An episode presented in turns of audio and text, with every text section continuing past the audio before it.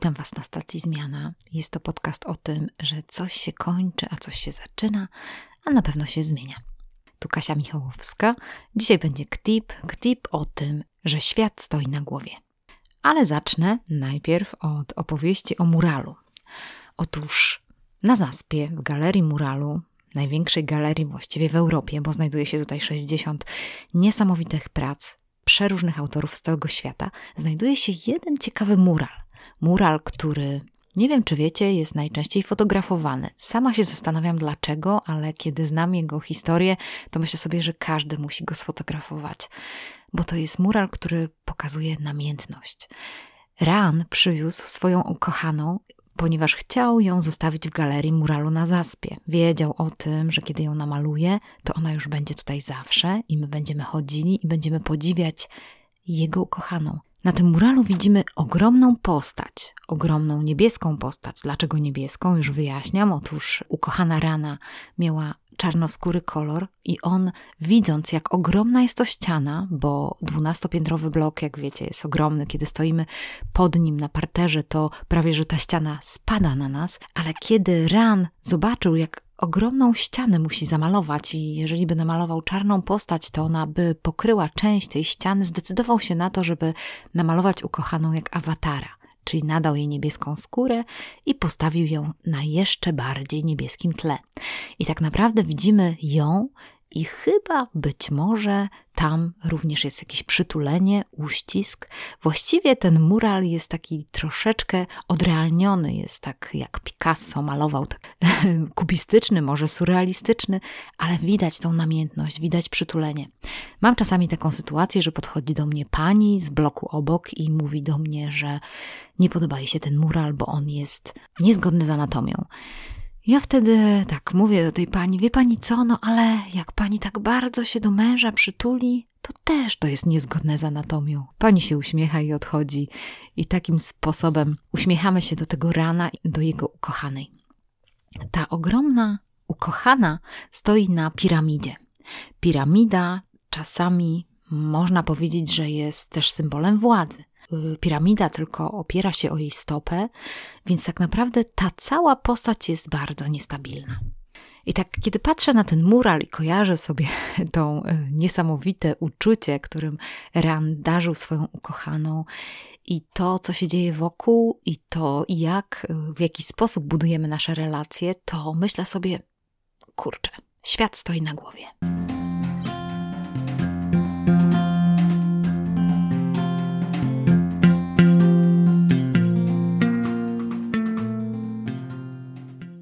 Świat stoi na głowie. Dlaczego tak mówię? Bo często współmałżonka lub partnera traktujemy gorzej niż nawet swego pracodawcę.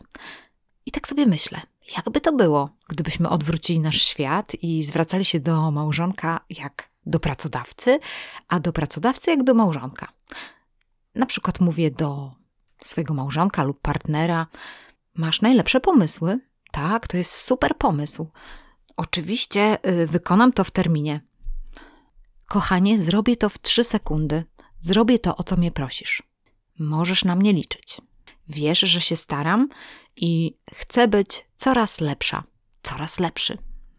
A na przykład do naszego lidera czy dyrektora mówilibyśmy, jak do naszego partnera lub małżonka. Co to w ogóle jest za pomysł? Chyba upadłeś na głowę. My tego nie damy rady zrobić. O czasie ten projekt jest zupełnie bez sensu. Brakuje mu polotu, jakiegoś sensownego pomysłu, te kolory. Ble. Okropność. Nie, no ja mam być miła dla tego klienta. Ten człowiek jest okropny. Nie będę miła, nauczę gościa kultury i powiem otwarcie, że nie godzimy się na takie traktowanie. I co wtedy? Może ten odwrócony świat wyglądałby lepiej. Może byśmy dłużej pracowali w jednym miejscu, a nasze związki byłyby trwalsze i może mniej bolesne, bo lider poznałby prawdę i widziałby na czym stoi. Nie słodzilibyśmy mu, tylko bylibyśmy szczerzy, a nasz partner czułby się doceniony i kochany. I to jest pytanie, jak budować bliskość. Często bliskość w związku uzależniamy od osobistego wskaźnika szczęścia. Nasza motywacja często wynika z tego, że chcemy być szczęśliwi, chcemy czuć szczęście. Ale wiecie co, ja tak się zastanawiam, co to właściwie jest szczęście? Czy druga osoba może nam dać to szczęście? I zaczęłam swoje poszukiwania, bo zaczęłam patrzeć, jaka jest definicja szczęścia, i zainspirował mnie film, który obejrzałam. Taki lubię krótkie seriale na Disney Plus, taka seria Pacjent. Jest to film o psychiatrze, który jest uwięziony przez swego pacjenta, ale pacjent jest niestety seryjnym zabójcą i zmusza tego psychiatrę do terapii. Nie robię tutaj żadnego spoilera, bo zaraz szybko się o tym przekonacie, jak zaczniecie oglądać ten film. Gra tam aktor Steve Carell, którego bardzo lubię, i właśnie on szuka definicji szczęścia. Szuka również odpowiedniej terapii dla swego pacjenta i powołuje się w pewnym momencie na Wiktora Frankla. Viktor Frankl to jest taka osoba, która przeszła przez dramat obozu koncentracyjnego, no i zachowała w pełni człowieczeństwo. Przeżyła wielką traumę, ale w gruncie rzeczy pewne cechy Wiktora spowodowały, że on przeżył w dobrym stanie psychicznym obóz. I on obserwował ludzi, którzy przeżyli obóz w dobrym stanie psychicznym i w złym stanie psychicznym. I zastanawiał się nad tym, co to spowodowało, jakie są warunki tego, że niektóre osoby przeszły ten obóz lepiej, a niektóre gorzej. Wiktor Frankl zmarł ćwierć wieku temu. No, jego prace badawcze zostały do tej pory i tak naprawdę Wiktor Frankl zajmował się definicją szczęścia i pracował z ludźmi, którzy sens życia stracili. No i jak widzicie, to jest ciekawe bardzo, bo Wiktor Frankl znalazł pewne połączenie pomiędzy sensem a szczęściem. O co chodzi? Wiktor Frankl powtarzał zdanie swoim studentom: Nie gońcie za sukcesem, im bardziej ku niemu dążycie, czyniąc z niego swój jedyny cel, tym częściej on was omija. Do sukcesu bowiem, tak jak do szczęścia, nie można dążyć. Musi on z czegoś wynikać. Występuje jedynie jako niezamierzony rezultat naszego zaangażowania w dzieło większe i ważniejsze od nas samych. Naprawdę się zaciekawiłam tą definicją, bo myślę sobie o tym, że szczęście, tak samo jak sukces, to skutek uboczny bycia zaangażowanym w coś większego od nas. I to jest bardzo ciekawe, dlatego że tutaj jest też to słowo nas, czyli musi być to coś zewnętrznego, coś większego od nas. jakiś większy cel, jakaś większa wartość, jakieś większe coś, coś ważniejszego. Ja wiem, że dla mnie osobiście, zresztą wiecie o tym, y, to większe dzieło widzę w Bogu, ale z drugiej strony też w pełni rozumiem ludzi, że niektórzy mogą tego nie widzieć w taki sposób, ale to nie oznacza, że nie mogą mieć tego skutku ubocznego w postaci szczęścia.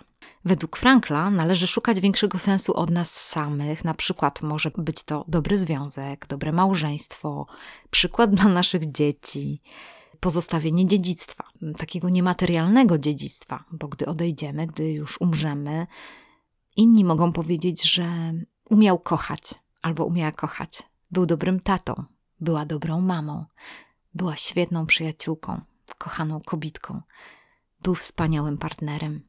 Więc to są takie słowa, które mogą być naszą perspektywą, naszą szerszym celem, większym celem, właściwie to misją życiową. Szukanie szczęścia w tym, że druga osoba da nam to szczęście, uważam, że w gruncie rzeczy jest y, takim traktowaniem partnera instrumentalnie, bo wtedy ja jestem w centrum, moje ja musi być zaspokojone. A co z tym drugim ja? Gdzie ono jest? To jest ciekawe. Y, wszyscy myślą o sobie, tylko ja myślę o mnie. No, egoizm jest czymś naturalnym. On jest naprawdę no, naturalny. Zresztą, kto ma dzieci, to wie, że dziecko bardzo trudno nauczyć dobrych nawyków, dobrych zachowań, a złe słowa i złe zachowania przechodzą mu bardzo lekko. No bo to jest proste, bo to jest łatwe.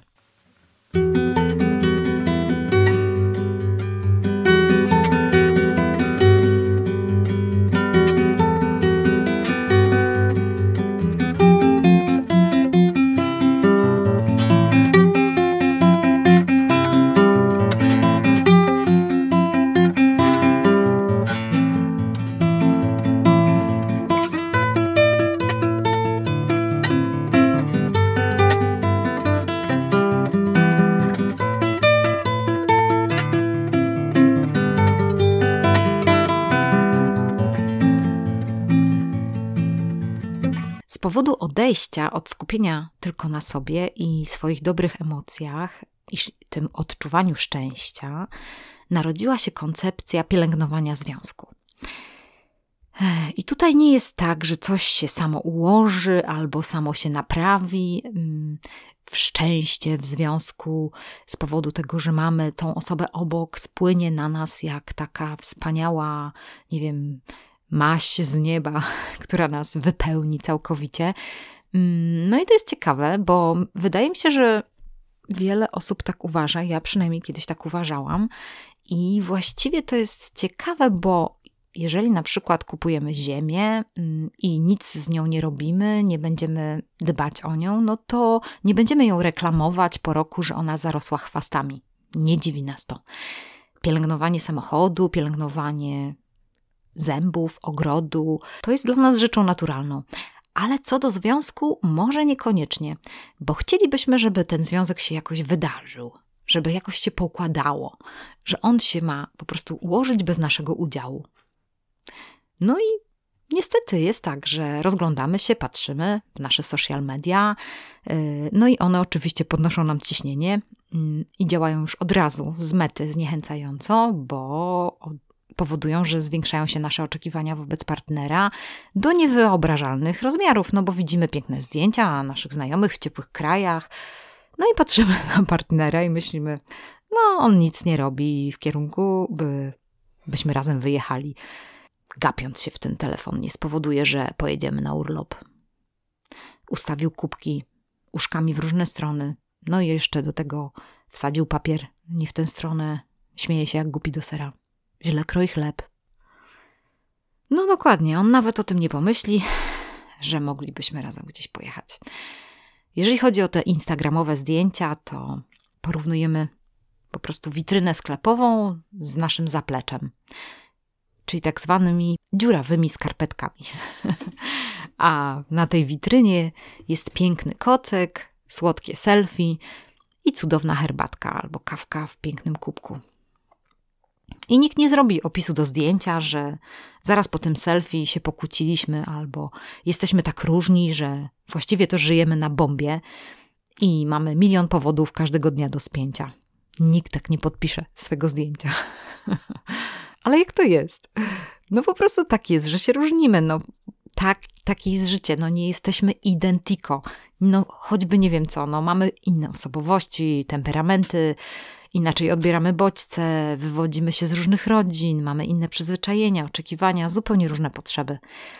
No i po prostu tak jest. Przynajmniej jeżeli chodzi o moje doświadczenia, to z powodu różnic w relacjach, Y, konflikt z wisi na włosku, bo przecież nasze życia to nie są wspólnie pokrywające się okręgi. Jeżeli tak jest, to no, właśnie, to jest pytanie. Ale mamy różne kłopoty, na przykład sposób wydawania pieniędzy.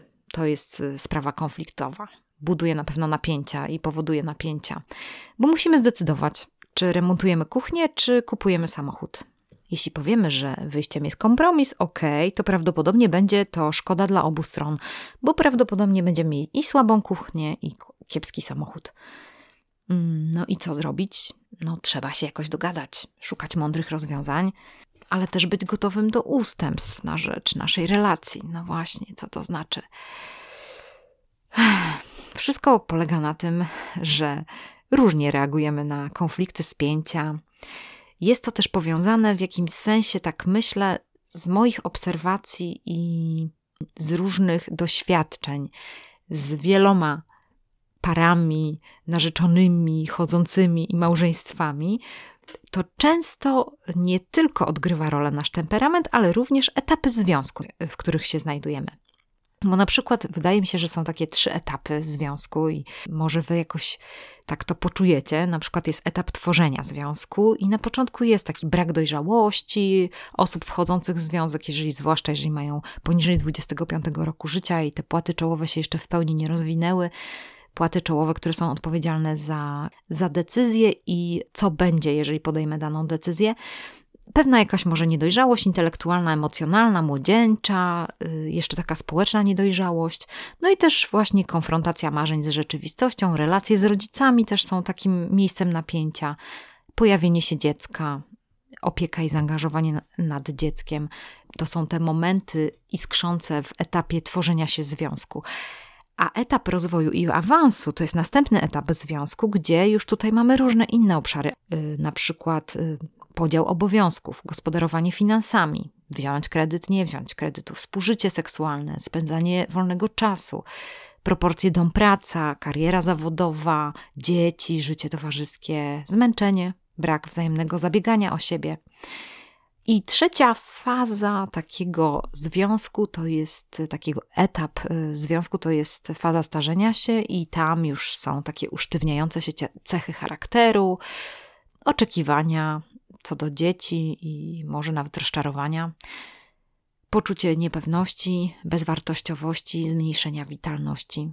Te różne rzeczy powodują i te różne etapy powodują różne możliwości spięć i różnych konfliktów, które pojawiają się w związkach. Ale również jest coś takiego, że, że te konflikty i spięcia biorą się też z tego, że nasze pragnienia lub prawa po prostu zostały pogwałcone. To jest w ogóle taka definicja tego, co to znaczy taki konflikt, co to znaczy y, spięcie. Y, po prostu moje oczekiwania nie zostały zaspokojone, zostałem zraniony, chcę zdobyć przewagę, upieram się, to ja mam rację, moja racja jest najmojszejsza. Też dużą rolę odgrywa tutaj nasz egoizm, bo niestety mm, taki konflikt, czy na przykład jakieś tylko samo spięcie zaczyna się, może eskalować w procesie różnych przemian i może po prostu doprowadzić do naprawdę do wojny. Jeżeli chodzi o samo spięcie i takie wynikające, jeżeli złapiemy to na samym początku, y, które wynikają z różnic, no nie wiem, takich sytuacji no czasami po prostu takich zwyczajnych sytuacji. Podaj mi miskę. Którą miskę? Jaką chciałaś? A w ogóle ty to nie umiesz opisać tej miski. A czemu ty tak do mnie mówisz? A ty gadasz jak moja matka a coś tam, coś tam. I już się po prostu zaczyna eskalować. Niepotrzebnie, zupełnie niepotrzebne spięcie dotyczące nie wiadomo czego. I tak naprawdę ze spięciami można sobie bardzo szybko poradzić, korzystając z tak zwanego 4P. I tutaj y, bardzo dziękuję Wieśkowi i Magdzie Grabowskim, którzy mieli swój wykład w Gdańsku i podlinkuję również y, ich wywiad, bardzo fajny w Radiu Gdańsk. Y, oni mówili o czymś takim, że można wykorzystać jedno P w sytuacji spięcia w relacji, i wszystko po to, by postąpić inaczej niż zazwyczaj. To jest dobra rzecz. Czyli znowu odwracamy świat do góry nogami. Czyli postępujemy inaczej niż zazwyczaj. Można zrobić coś takiego, że można przemilczeć, można przemilczeć to, co się, tą pyskówkę, można przerwać i zapomnieć, można powiedzieć łagodniej, można kogoś pobłogosławić, czyli dać jakiś dar, dać jakiś prezent czwarte P, prezent, pobłogosławienie. Widzę, że jesteś tak zajęta tym robieniem ciasta, że nawet trudno ci powiedzieć, którą miskę potrzebujesz. To by było fajne, niż teraz wypykać sobie jakieś pretensje do siebie o głupią miskę. I mówię to ze własnego doświadczenia. W każdym momencie, w każdym momencie wymiana przykrych zdań może być zakończona. Serio, możemy to przerwać. Możemy. Nie jesteśmy jakimś psem Pawłowa, nie jesteśmy zwierzęciem, co wyłącza nam się mózg i idziemy po sznurku. Nie. W każdym momencie możemy skończyć, przerwać wymianę przykrych zdań, po to, żeby nie doprowadzić do wojny, po to, żeby nie eskalować tego konfliktu. Magda i Wiesiu Grabowscy podkreślali, że nie mamy uwolnić się od konfliktu, konflikt po prostu jest i będzie. Hm. Niektórzy mówią, że, że właśnie, że powinniśmy żyć bezkonfliktowo i tak dalej, więc świat, który stoi na głowie, mówi zupełnie coś innego niż w zupełności ta realność, bo jeśli konfliktów nie ma, to albo osoby w związku są takie same i zgadzają się we wszystkim, albo mamy różne zdania, lecz jedna osoba ich nie ujawnia po prostu i wtedy jest taka sytuacja, że czyjeś pragnienia, marzenia są niezaspokojone i ktoś nam marnieje w związku i my po prostu jesteśmy później zdziwieni, że oho, komuś się ulało, nie? Nic nie mówił, a tutaj nagle jakieś pretensje, bardzo duże. Więc tutaj chodzi o to, że ktoś może nie wyrażać swoich pragnień i nie wyrażać swoich potrzeb, i to powoduje ze względu na to, że nie lubi konfliktów, na przykład, bo nie lubi tego, żeby, żeby w jakiś sposób te konflikty się pojawiły. No w każdym razie jest tak, że warto podchodzić do konfliktu jako do normalnego elementu życia, niczyja to wina, no po prostu tak bywa. Nagrałam kiedyś też klipa o tym, jak rozwiązywać konflikty, ale tak przypomnę tutaj tylko pokrótce, co można zrobić i taką taką instrukcję. Fajnie dacie zawsze instrukcję, bo wtedy można, możecie ją wykorzystać i nagle okaże się, że coś działa. Konflikt może zbliżyć do siebie lub oddalić, to jest pewne, i w konflikcie mamy równocześnie ukrytą szansę i pewne niebezpieczeństwo. Bo nierozwiązane konflikty będą się rozwijały i w końcu wybuchną, a jeżeli rozwiążemy konflikt, to dowiemy się więcej o sobie i zbliżymy się do siebie, będziemy się bardziej kochali, i potem może być świetny seks. I tutaj warto zwrócić uwagę na tą własną postawę. Czy mamy postawę tą egoistyczną, nastawioną tylko na siebie, czy tak naprawdę mamy gotowość do rozwiązania tej sprawy, do rozwiązania tego konfliktu, ale gotowość to postawa, że jestem gotowa, gotowy do zrezygnowania ze swojej pozycji i chcę dojść do sytuacji, by rozwiązać ten dany problem, czy tą daną sytuację. Często rozwiązaniem wcale nie będzie kompromis. Właśnie też wszyscy mówią, o, kompromis, super, ekstra. No tak naprawdę kompromis to mówi o tym, że nikt nie jest zadowolony, tak jak było wspomniane wyżej. Kupujemy starego grata i beznadziejną kuchnię bez zmywarki. Bo jeżeli podzielimy te pieniądze na pół, to na pewno nie będzie wesoło.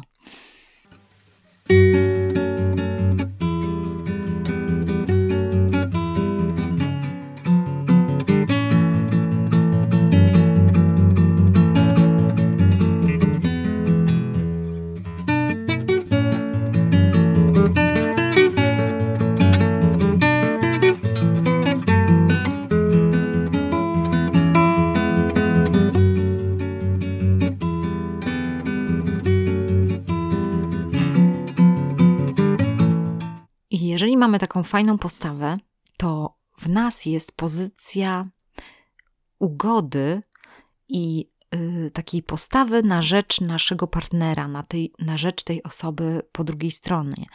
Moją motywacją jest nasze wspólne dobro, czyli nie ma tu ja, moje, tylko nasze. I właśnie ugadanie się, a może najpierw kupimy samochód, a potem dopiero kuchnię, a może najpierw kuchnię, a potem samochód, bo na razie jeszcze nie potrzebujemy, a może jakoś inaczej to y, rozwiążemy, może znajdziemy jakieś rozwiązanie. No i tutaj jest y, taki sukces w takim podejściu, bo jeżeli patrzymy na dwoje, na relacje jako zespół, to zawsze we dwoje wygramy albo we dwoje przegramy. by rozwiązać konflikt, to też jest ważne, żeby wyciszyć emocje. Ja akurat jestem taką ekstrawertyczną osobą i bardzo ekscytuję się, i to niestety są, często jest złym doradcą takie emocje, bo ja bardzo często mam takie szlachetne odruchy, jak jest w powiedzeniu, strzeż się swych pierwszych odruchów, zwykle są szlachetne, to ja właśnie się zawsze na to łapię, bo za szybko coś obiecam, za szybko nie oszacuję czasu, powiem tak, zrobię to, a później wow, jest, są problemy i nie mam czasu i nie mogę tego zrobić. Inni mają w drugą stronę, mają od razu na nie, bo wiedzą, że zajmie im to za wiele czasu, więc oni powinni mówić tak, ja powinnam mówić więcej nie. No to wszystko zależy od temperamentu, ale chodzi o to, że zawsze, w każdym momencie, kiedy pojawia się konflikt, można odreagować, można powiedzieć: mm, chodź, coś zjemy, chodź, coś zeżeremy dobrego. Musi mi przejść. Przecież nie muszę od razu podchodzić do tego, żeby rozwiązywać jakiś problem. Mogę prosić kogoś, że potrzebuje trochę czasu. No i następna sprawa to jest założenie dobrej woli drugiej strony. Wierzymy w dobre intencje drugiej strony. No, zazwyczaj wszystko mówi, że on, ona jest moim wrogiem i tak naprawdę to nas tylko wprowadza w kłopoty. Gdy chcemy coś powiedzieć, warto mówić prawdę z miłością. Tak jak mówiłam o tych y, zwróceniem się do pracodawcy, prawdopodobnie byśmy wyhamowali, żeby powiedzieć mu coś trudnego. Tak samo traktujmy współmałżonka czy swego partnera. Bo jeżeli będziemy mówić prawdę bez miłości, to wielki smuteczek i ból dla partnera. Mniejszy ból dla lidera czy dyrektora, co poradzi. E, no i gdy przystępujemy do rozwiązania konfliktów, ważne jest kilka rzeczy, między innymi właśnie właściwa pora, żeby dać jakiś odstęp czasowy i nie gadać na temat trudnych rzeczy w biegu albo w jakiejś, nie wiem, ostatniej chwili albo przed zamknięciem drzwi. Czasami jest tak, że niektórzy uciekają od trudnych rozmów, niektórzy nie lubią takich rozmów trudnych, bo mają na przykład jakieś wspomnienia z przeszłości. Więc możemy inaczej to załatwić, prosić na przykład, słuchaj, chodź pogadajmy za dwa dni albo jutro. Jeżeli potrzebujesz czasu, to może jutro pogadajmy, ale umówmy się na którąś godzinę. Spróbujmy to obgadać. Fajnie jest mieć dobre miejsce, przemyśleć, gdzie miejsce mogłoby być bez świadków, by o tym pogadać i dać sobie jakąś przestrzeń czasową. No i teraz, jeżeli jest ten konflikt, który załóżmy było spięcie, później to poszło dalej i już to jest konflikt i to nas uwiera, to jak się kierować tymi zasadami, żeby to rozwiązać? Na pewno warto się skoncentrować na jednej kwestii. Jakoś ją nazwać. Dobrze jest zapisać ją na kartce. Dlaczego? Dlatego, że wtedy można nie odpływać z różnymi tematami i nie dawać argumentów z innych dziedzin. Koncentrujemy się na problemie, a nie na osobie. Na przykład problem to jest bałagan w kuchni, albo spóźnianie się, albo nieumyty samochód, niezatankowany samochód. Wymyślam. Ważna jest koncentracja na wyrażaniu siebie, a nie osądzaniu drugiej osoby. No, nie mówimy czegoś takiego, że ty jesteś taka, albo czasami możemy powiedzieć, że ja się z tym źle czuję, ale oczywiście, jeżeli mamy za partnera skrajnego choleryka, to on powie: No, to jest twój problem. Więc warto w tej rozmowie szukać wyważenia. No zresztą, matko kochana, jeżeli to jest partner, to to jest nasz najlepszy przyjaciel i na pewno jest tutaj pole do dogadania się i szukania rozwiązania, jeżeli mamy taką postawę. Warto też rozsądzić, kto w tej sytuacji bardziej cierpi, tej brudnej kuchni. Czy ja bardziej cierpię, czy ty bardziej cierpisz? Kto więcej tam na przykład czasu spędza? Można to wszystko w jakiś sposób wytropić i pogadać, jeżeli jesteśmy szczerzy, z miłością też ważna rzecz, którą wydaje mi się, że taka kluczowa, którą ja też pilnuję swoje myśli, bo ja naprawdę mam takie różne fantazje i spekulacje, bo spekulowanie prowadzi do fałszywych teorii i nie warto tego robić. Nie warto dodawać do czegoś, co ktoś powiedział, nie przyklejać temu jakiejś motywacji, tylko słuchać faktów, co ta osoba w ogóle sobie myśli, jak ona widzi tą sytuację. No i też mi się wydaje, że nie wiem, jak, jak, jak uważacie, ale krytykowanie, nawet w żartach kogoś, e, nieświadomie można zranić e, i w ogóle zepsuć tę rozmowę, ten czas, który sobie przeznaczyliśmy, żeby rozwiązać ten problem. Też właściwie taka ważna sprawa, żeby nie koncentrować się na osobistym zwycięstwie, to jest po prostu przegrana obojga, ale koncentrować się na dobrym związku. I właściwie, jeżeli to by Wam pomogło, ja tak sobie myślę, w, w, relacjach, y, można by było zrobić taką małą karteczkę naklejaną, tak jak wiecie, robi się w firmach, że naklejamy swoje imię tam na jakichś spotkaniach, więc moglibyśmy napisać na, na tej karteczce: Jestem Twoim przyjacielem bo przecież nasz partner jest najlepszym naszym przyjacielem, więc warto sobie to przypomnieć. Nie jest wrogiem, to nie jest jakaś, nie wiem, z, rozmowa z matką, która ma do nas pretensje, bo dostaliśmy dwóje, tylko chcemy po prostu rozwiązać problem, no, znaleźć rozwiązanie tej sytuacji. I wokół tego problemu można by było napisać jakieś pomysły, które mamy, rozwiązania, ale na pewno najważniejszą rzeczą jest to, żeby każdy powiedział, jak to wygląda z jego perspektywy, jak wygląda ten problem z jego perspektywy. I to jest fajne, jeżeli użyje się tutaj aktywnego słuchania, czyli pytania, no powiedz więcej, jak się z tym czułaś, albo można spróbować sparafrazować to, co powiedziała osoba. Czy dobrze Cię rozumiem, że ta sytuacja bardzo cię irytuje i na przykład, kiedy te naczynia są niepozmywane, to ty wtedy tam nie możesz ustawić tej miski i nic zrobić w ogóle w kuchni. Czy ja to dobrze ciebie zrozumiałam, czy zrozumiałem? I wtedy można to jeszcze doprecyzować. Nie, nie, nie, to nie o to chodzi, tylko mnie po prostu drażni to, że te naczynia po prostu jeszcze będę musiała przez trzy minuty rozkładać. Więc tutaj można sobie porozmawiać na ten temat. Może to trwać jakieś takie około 3 minuty, żeby też się nie rozgadywać i nie przyklejać różnych innych rzeczy do tego. Więc wiem o tym. Wiem na 100%, że to jest sztuczne i dziwaczne, taki sposób podejścia do rozwiązywania konfliktów, no bo na stówę. Ja, ja przynajmniej nie miałam takiego przykładu w rodzicach, którzy rozwiązywali konflikty. Zazwyczaj się trzaskało drzwiami, wychodziło się z domu i później się wracało i wszystko było ok, albo się dogryzało przy innych.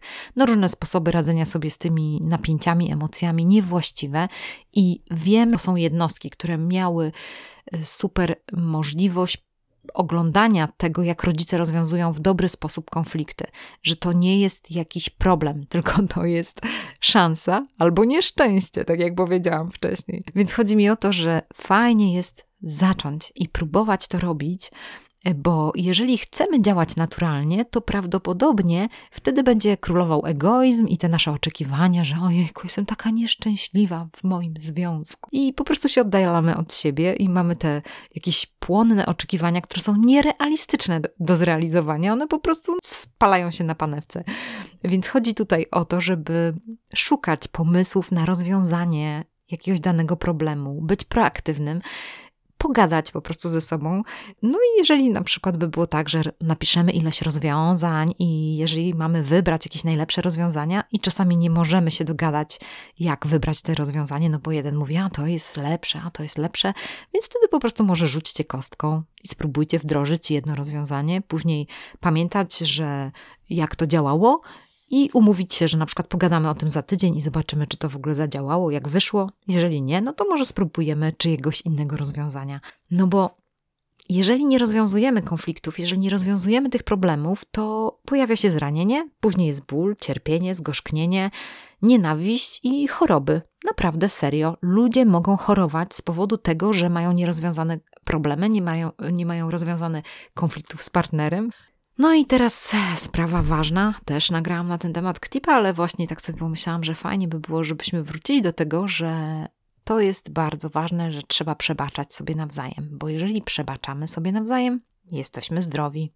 Pytanie jest, kto w ogóle pierwszy ma wyciągnąć rękę do zgody? No, no i w temperamentach to prawdopodobnie jest ta osoba, której zależy na relacjach, która, e, która lubi być lubiana i pewnie to będzie ta osoba, która będzie szybko szukała tego pojednania, będzie szybko wychodziła do zgody.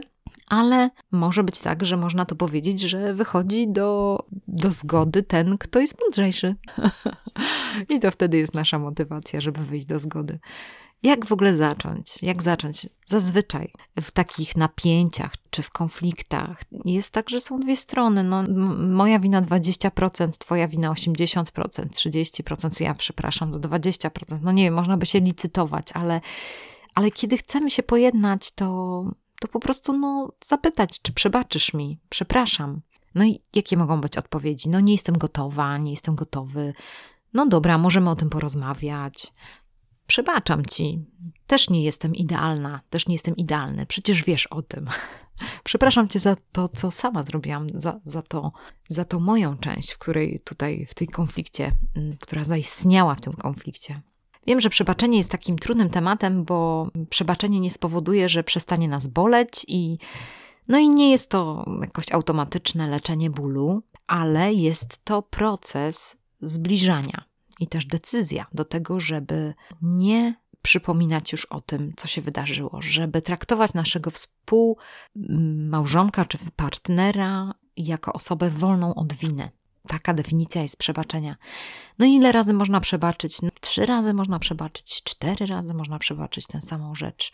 Ludzie wierzący wiedzą, że, że Bóg powiedział, Pan Jezus powiedział, że 77 razy co? Żydzi oczywiście wiedzieli, że bardzo dużo razy. Dlaczego? Bo to się wiąże z tym, ile Bóg nam przebaczył, więc Ważna jest sprawa związana z przebaczeniem, jaką mamy motywację przebaczenia, ale jestem przekonana, że, że każdemu z Was przebaczono wiele. Nie czujecie się idealnymi ludźmi, którzy nigdy nie popełniają błędów, więc tak samo przebaczajcie innym, bądźcie hojni, mądrzy w przebaczeniu innym ludziom, zwłaszcza najbliższym przyjaciołom, których macie tuż około siebie.